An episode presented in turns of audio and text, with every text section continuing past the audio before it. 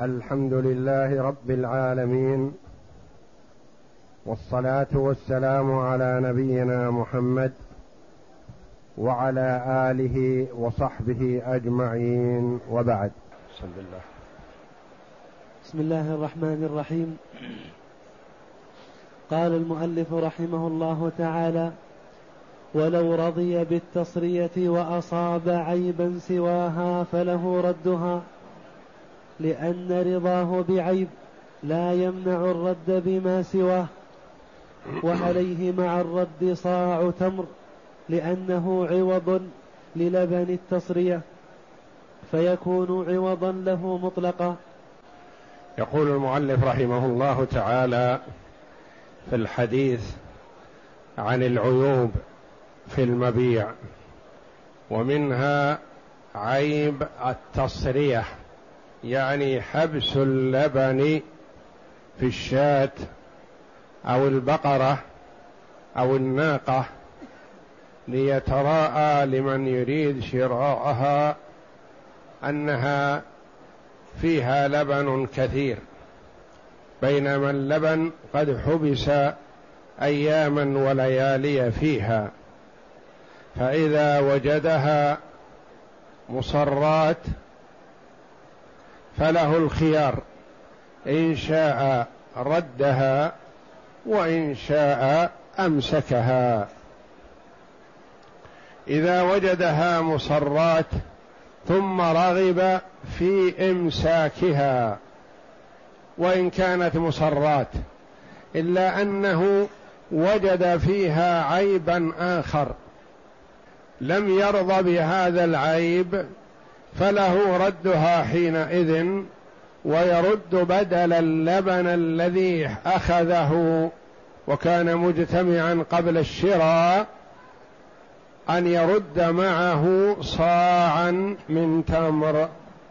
ولا يقال له إنك رضيت بها مصرات فلا تردها بل له أن يردها بالعيب الآخر. ويحتمل ويحتمل ألا يلزمه ها هنا إلا مثل اللبن لأن الأصل وجوب ضمان اللبن بمثله. خولف فيما إذا رده إذا رد المصرات من أجل التصرية للخبر. ففيما إذا ردها لعيب آخر تبقى على الأصل كما لو كانت غير مصرات وفيها لبن. ويحتمل ألا يلزمه ها هنا إلا مثل اللبن لأن اللبن مثلي ويرد مثله لأنه ما ردها من أجل التصرية وإنما ردها من أجل العيب الآخر ولكونه أخذ لبنها فيرد مثله. والوارد في الصاع من التمر إذا ردها بالتصرية فقط. وإن اشترى شاة غير مصرات فحدث لها لبن فاحتلبه ثم ردها بعيب فلا شيء عليه لأن اللبن حدث في ملكه.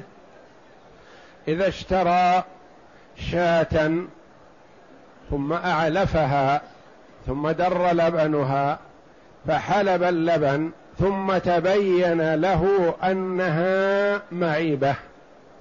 وقد حل حلب اللبن يوما أو يومين فهل يلزمه أن يرد بدل هذا اللبن؟ لا يلزمه شيء لأن هذا اللبن حدث في ملكه وهو الذي أعلفها هذه المدة فحدث اللبن فاللبن لبنه. ولا يلزمه أن يرد معها صاعا من تمر لأن التي يلزم رد صاع من تمر معها هي المصرات المردودة بعيب التصريه نعم. وإن كان فيها لبن يسير لا يخلو الضرع من مثله فلا شيء عليه لأن مثل هذا لا عبرة به. أو لم تكن مصرات وإنما فيها لبن يسير فاحتلبه فلا يلزمه رد شيء بدله لأنه شيء يسير. نعم. وإن كان كثيرا فعليه مثله لأن الأصل ضمان اللبن بمثله فلا يبطل بمخالفته في لبن التصرية.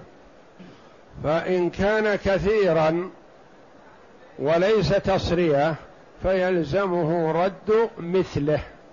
يعني لبن مثل اللبن الذي احتلب ولا يلزمه الصاع من التمر. لأن الصاع من التمر ورد في المصرات وهذه ليست مصرات. نعم. وإن كان باقيا فرده إن بنى على رد لبن التصرية لما ذكرنا.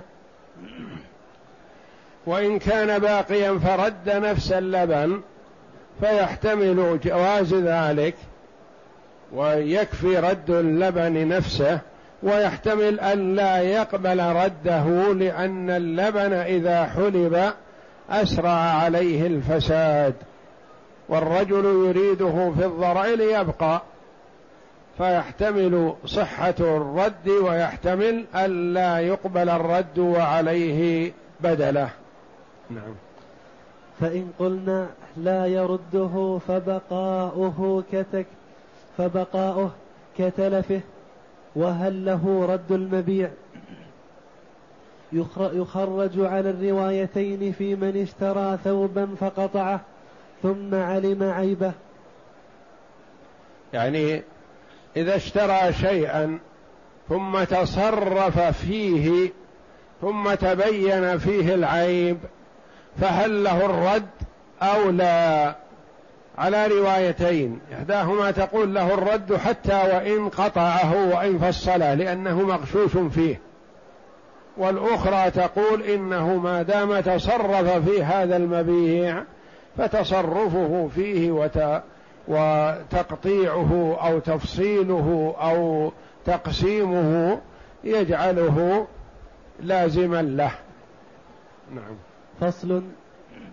فإن كانت المصرات أمة أو أتانا ففيه وجهان. أحدهما لا رد له لا رد له. لا رد له لأن لبنها لا عوض له ولا يقصد قصد لبن الأنعام. والثاني له الرد لأن الثمن يختلف بذلك لأن لبن الأمة يحسن ثديها. يحسن, يحسن ثديها ويرغب فيها ضئرا. ضئرا ولبن الأتان يرد لوالدها. يراد, يراد. ولبن الأتان يراد لولدها. فإن ردها فلا شيء عليه للبنها لأنه لا قيمة له. عرفنا أن المصرات التي له الرد إذا اشتراها وتبين أنها مصرات ما كانت من الشياه أو البقر أو النوق. هذه التي تقصد للحليب. إذا كانت المصرات المحبوس اللبن في ضرعها مثلا أمة. أمة تشترى وعرفنا أن الأمة تشترى وتباع وأن سبب هذا هو الكفر منها أو من أصلها من آبائها وأجدادها. فالإسلام يسترق بسبب الكفر ولا يسترق المسلم ابتداء ابدا وإنما يسترق حال كفره ثم يستمر الرق عليه وعلى فرعه وعلى ما تولد منه. ثم إن الإسلام رغب في العتق وفك الرقاب وجعلها كفارات لكثير من الأمور وحث الإسلام على العتق. فإذا كانت المصرات هذه أمة فهل له الرد أو لا؟ قيل له الرد لأن لأنه إذا كان في ثديها لبن ثم تبين أنه لا شيء في ذلك فهذا عيب فيها يؤثر فيها قد يشتريها المرء لأجل أن تكون الظئر لولده. الظئر هي المرضعة. يعني اشتراها من أجل ما في ثديها من اللبن فتبين أنها مصرات فله الرد. أو اشتراها لأن ثديها فيه لبن واللبن يحسن الثدي فتبين ان قلة اللبن فيها عيب في ثديها فله ردها. وكذلك الأتان إذا كانت الأتان التي هي أنثى الحمار وكانت مصرات فهل له الرد إذا تبينت التصرية؟ قيل لا رد له لأن لبنها غير مقصود. وقيل له الرد لأن لبنها مقصود لولدها. لأن ولدها إذا رضع منها وشرب اللبن كبر وقوي على العمل والحركة. وإذا كانت أمه لا لبن فيها أصبح ضعيف هزيل. فهو مقصود لا لذاته وإنما مقصود لولدها. ثم إذا رد الأتان أو رد الأمة هل يلزمه رد صاع من تمر معها؟ الجواب لا يلزمه لأن الصاع من التمر ورد في بهيمة الأنعام في الإبل والبقر والغنم. وأما الأتان فلا يرد معها شيء لأن لبنها لا قيمة له ولا يصح بيعه وكذلك لبن الأمة لا يباع. فصل وكل تدليس وكل تدليس بما يختلف به الثمن يثبت خيار الرد قياسا على التصرية كتجعيد شعر الجارية وتسويده وتحمير وجهها وجمع الماء على الرحى وقت عرضها على المشتري فإن حصل ذلك بغير قصد كاجتماع اللبن في الضرع بغير تصرية واحمرار وجه الجارية لخجل أو تعب فهو كالتدليس. لأن الخيار ثبت لدفع الضرر عن المشتري فلم يختلف بقصد وعدمه كالعيب. وكل تدليس بما يختلف به الثمن يثبت خيار الرد. الإسلام ينهى عن الغش وعن الخديعة وعن التمويه والنبي صلى الله عليه وسلم مر على رجل يبيع طعام فأدخل يده في الإناء اللي فيه الطعام فوجد بلل والطعام يراد به البر والله أعلم. فوجد بللا في أسفل البر. فقال النبي صلى الله عليه وسلم ما هذا؟ فقال أصابته السماء من البارحة. يعني أصابه مطر. فقال هلا جعلته أعلى؟ من غش فليس منا. وفي رواية من غشنا فليس منا. فالإسلام ينهى عن الغش ويأمر بالبيان والإيضاح في البيع والشراء وفي كل تصرف. ويقول عليه الصلاة والسلام البيعان بالخيار ما لم يتفرقا. فإن صدقا وبينا بورك لهما في بيعهما وإن كذبا وكتما محقت بركة بيعهما.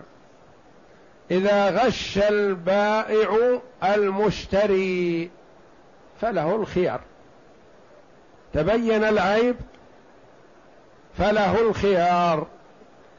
إن شاء قبله قبل المبيع بعيبه وإن شاء رده. إلا إن كان مشروطا مذكورا. أنا أبيعها عليك بكذا لكن انتبه فيها كذا.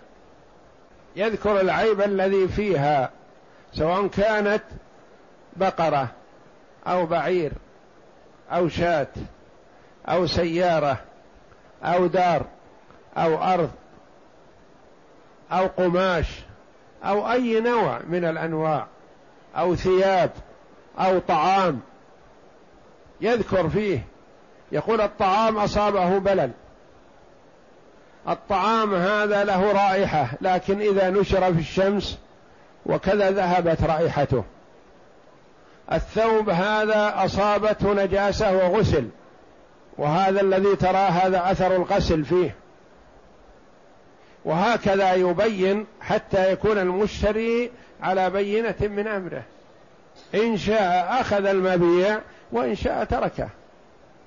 والواجب على المسلم أن يكون ناصحا مخلصا لله جل وعلا في جميع أموره. كما أنه يكون مخلصا لله جل وعلا في صلاته وزكاته وصيامه وحجه يكون مخلصا لله تعالى في بيعه وشرائه. والرسول صلى الله عليه وسلم حرم أشياء يجب على المسلمين أن يجتنبوها.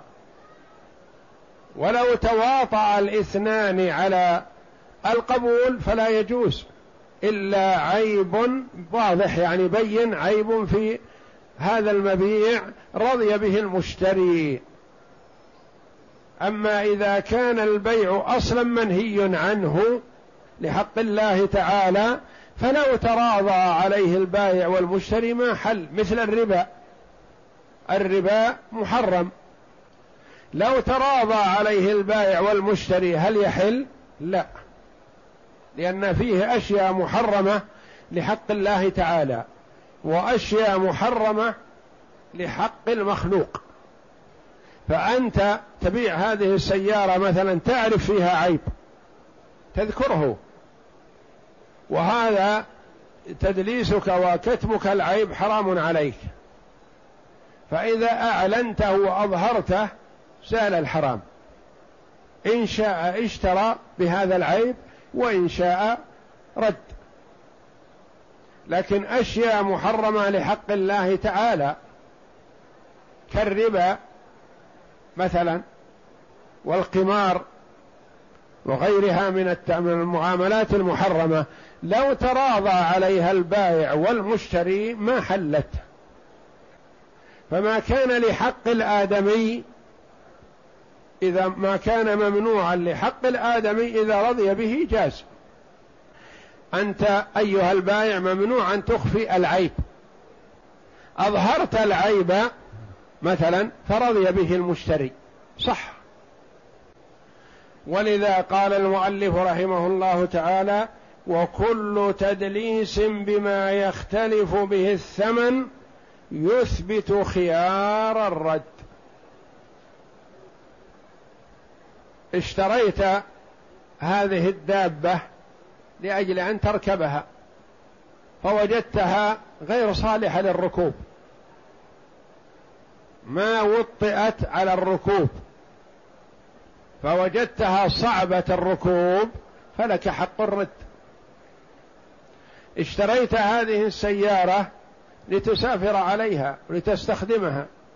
وجدت بها عيب من العيوب المعروفة فمن حقك أن تردها إذا لم ترضى بهذا العيب. يقول قياسا على التصريه يعني كل عيب في السلعة المبيعة يجعل المشتري له حق الرد إذا لم يرضى بهذا العيب. قال كتجعيد شعر الجارية. تجعيد الشعر فيه جمال. فمثلا جعد صناعة مؤقتا ليغتر المشتري فيظن أن شعرها باستمرار هكذا. ثم تبين له أنه مصنع تصنيع مثلا له حق الرد. السيارة مثلا قديمة فضربها وجه من البوية وظهرت كأنها جديدة. فاشتراها المشتري يظن أن هذه صبغتها الأصلية وأنها ما استعملت. ثم تبين له أن هذه وضعت حديثا وهي السيارة قديمة. فتبين له هذا العيب فمن حقه أن يرد السيارة إذا لم يرضى بها. وتسويده تسويد شعر الجارية. مثلا شعرها أبيض أو أسود وأبيض فسوده كله. فظن المشتري أنها فتاة فإذا بها كبيرة السن. فمن حقه أن يرد. وتحمير وجهها يعني يجعل في وجهها شيء يكسبها جمال وحمرة. وهذه حمرة صناعية وحمرة الصناعية ليست كالحمرة الطبيعية في جمال المرأة. فمن حقه أن يردها إذا وجدها محمرة الوجه. وجمع ماء الماء على الرحى وقت عرضها على المشتري. الرحى التي تستعمل لنزح الماء من البئر. إذا جاءها ماء بكثرة كثرت أسرعت في دورانها فأخرجت من الماء كمية كبيرة. فقد يجمع الماء فوق فإذا جاء المشتري ليراها ليرى هذه الرحى أرسل الماء عليها بكثرة فتدور عجلاتها بسرعة وتخرج ماء أكثر. فإذا تبين له أنها ليست هذه طبيعتها فله حق الرد كذلك. فإن حصل ذلك بغير قصد كذلك لو حصل هذا الغش بغير قصد من البائع يقول والله ما عملت أنا هذا الشيء هذا ولا علمت عنه. ولكنه فعلته الجارية أو كانت الرحى اجتمع ماءها وتوقف ثم جاء بسرعة وظنن وكثر استخراجها للماء ونحو ذلك. فكذلك من حقه أن يرد لأن هذا عيب ينقص به الثمن. حتى لو حصل بغير قصد من البائع. نعم. وإن رضي المشتري بالمدلس فلا فلا أرش له لأن النبي صلى الله عليه وسلم خير بين إمساك المصرات بغير شيء وردها مع التمر. وإن رضي المشتري بالمدلس يعني الشيء الذي فيه العيب. رضي المشتري به فله إمساكه ولا يجوز له أن يطلب العرش. يقال أنت بالخيار إن شئت خذه بقيمته وإن شئت فرده. قال لا أنا لن أرده لكن أريد أن تخفض من القيمة. يقول لا. إذا امتنع البايع فمن حقه. أما إذا تواطأ على التخفيض فلا بأس بهذا. أما العيب فلا يلزم البايع بأن يخفض من القيمة وإنما يقال للمشتري إن شئت اقبل المبيع بقيمته أو رده وخذ دراهمك التي دفعت قيمة لها. نعم. فصل. وإن دلس بما لا يختلف به الثمن كبيض الشعر كتبييض الشعر وتسبيطه فلا خيار للمشتري لأنه لا ضرر في ذلك. وإن دلس بما لا يختلف به الثمن يعني هو البايع دلس. وأظهر الجارية على غير حالها أو أظهر السيارة على غير حالها أو أظهر الدار على غير حالها. لكن هذا التدليس لا يؤثر. الثمن هو هو. فلا فليس له الرد لأن هذا ليس بعيب ولا ينقص القيمة. نعم. وإن علف شاة فظنها المشتري حاملا أو سود أنامل العبد ليظنه كاتبا أو حدادا أو كانت الشاة عظيمة الضرع خلقة فظن فظنها كثرة اللبن فلا خيار له لأن ذلك لا ينحصر فيما ظنه المشتري. فإن سواد الأنامل قد يكون لولغ أو خدمة كاتب أو حداد أو شروعه في ذلك. وانتفاخ البطن يكون للأكل فظن المشتري غير ذلك طمع لا يثبت له خيار. أحيانا المشت البايع لا يدلس وإنما المشتري يظن الأمر على كذا ثم يتبين له أنه على خلاف ما ظن فهل له الرد أم لا؟ مثلا المشتري أعلف هذه البقرة البايع أعلف البقرة أو الشاة أو الناقة وأكثر لها العلف.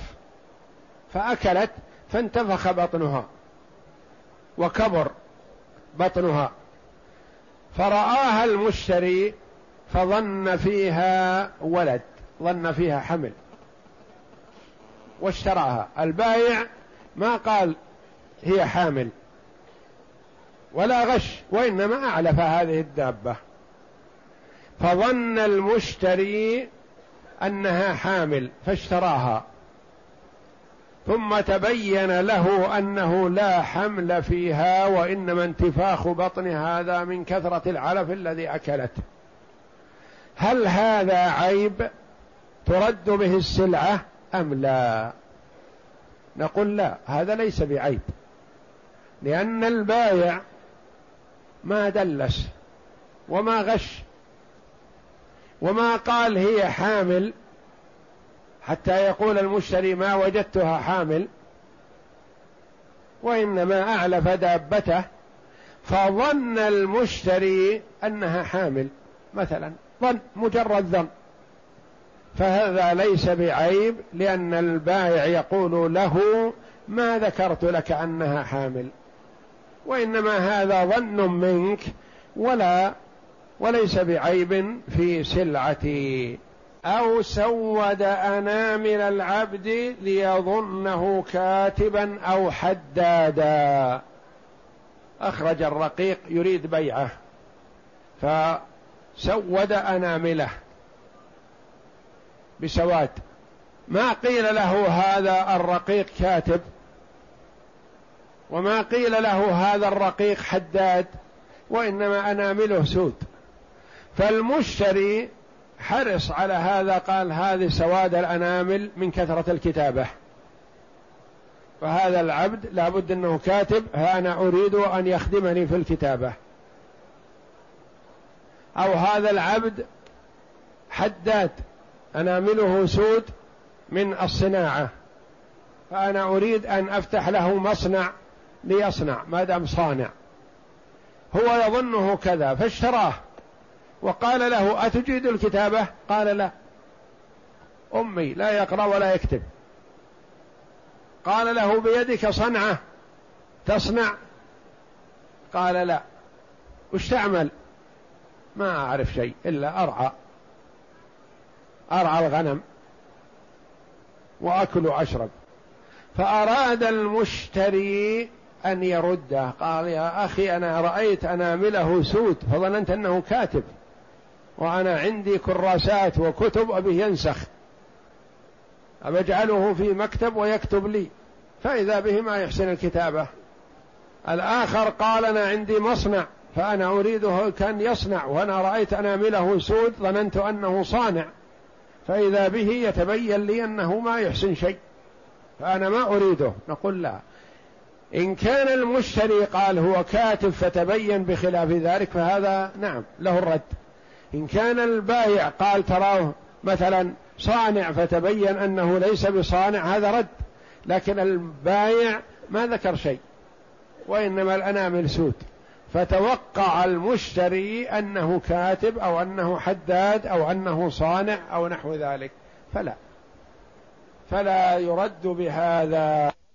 أو كانت الشاة عظيمة الضرع. الشاة ضرعها كبير ما فيها تصرية وإنما لحمتها كبيرة. فاشتراها يظن أن هذا اللحم لبن فحلب فما وجد لبن إلا قليل وما فيها تصرية هل هذا عيب؟ لا هذه خلقتها. وما دلس البايع وإنما المشتري توهم. فتوهم المشتري ليس بعيب في المبيع. مثل السيارة مثلا. المشتري توهم أنها موديل كذا ولم يقل البايع مثلا هي موديل كذا يغشه فتبين له أنها على خلافه. توقع المشتري أنها موديل 2001 مثلا. فإذا بها موديل 99 فهل يردها؟ لا. لأن توهم المشتري ليس بعيب. لما لم يفحص ويتأمل. إلا إن كان البايع غشة فعيب. نعم. لأن ذلك لا ينحصر فيما ظن فيما ظنه المشتري. يعني ظن المشتري بالسلعة ثم تبين خلاف ذلك فليس بعيب في السلعة. لأن انتفاخ البطن لا يدل على الحمل فقد يدل على كثرة الأكل. وانتفاخ البطن؟ وانتفاخ البطن يكون للأكل فظن المشتري غير ذلك طمع لا يثبت له خيار. لأنه هو الذي توقع هذا الشيء فلا يثبت له الخيار. والله أعلم. وصلى الله وسلم وبارك على عبده ورسول نبينا محمد وعلى آله وصحبه أجمعين.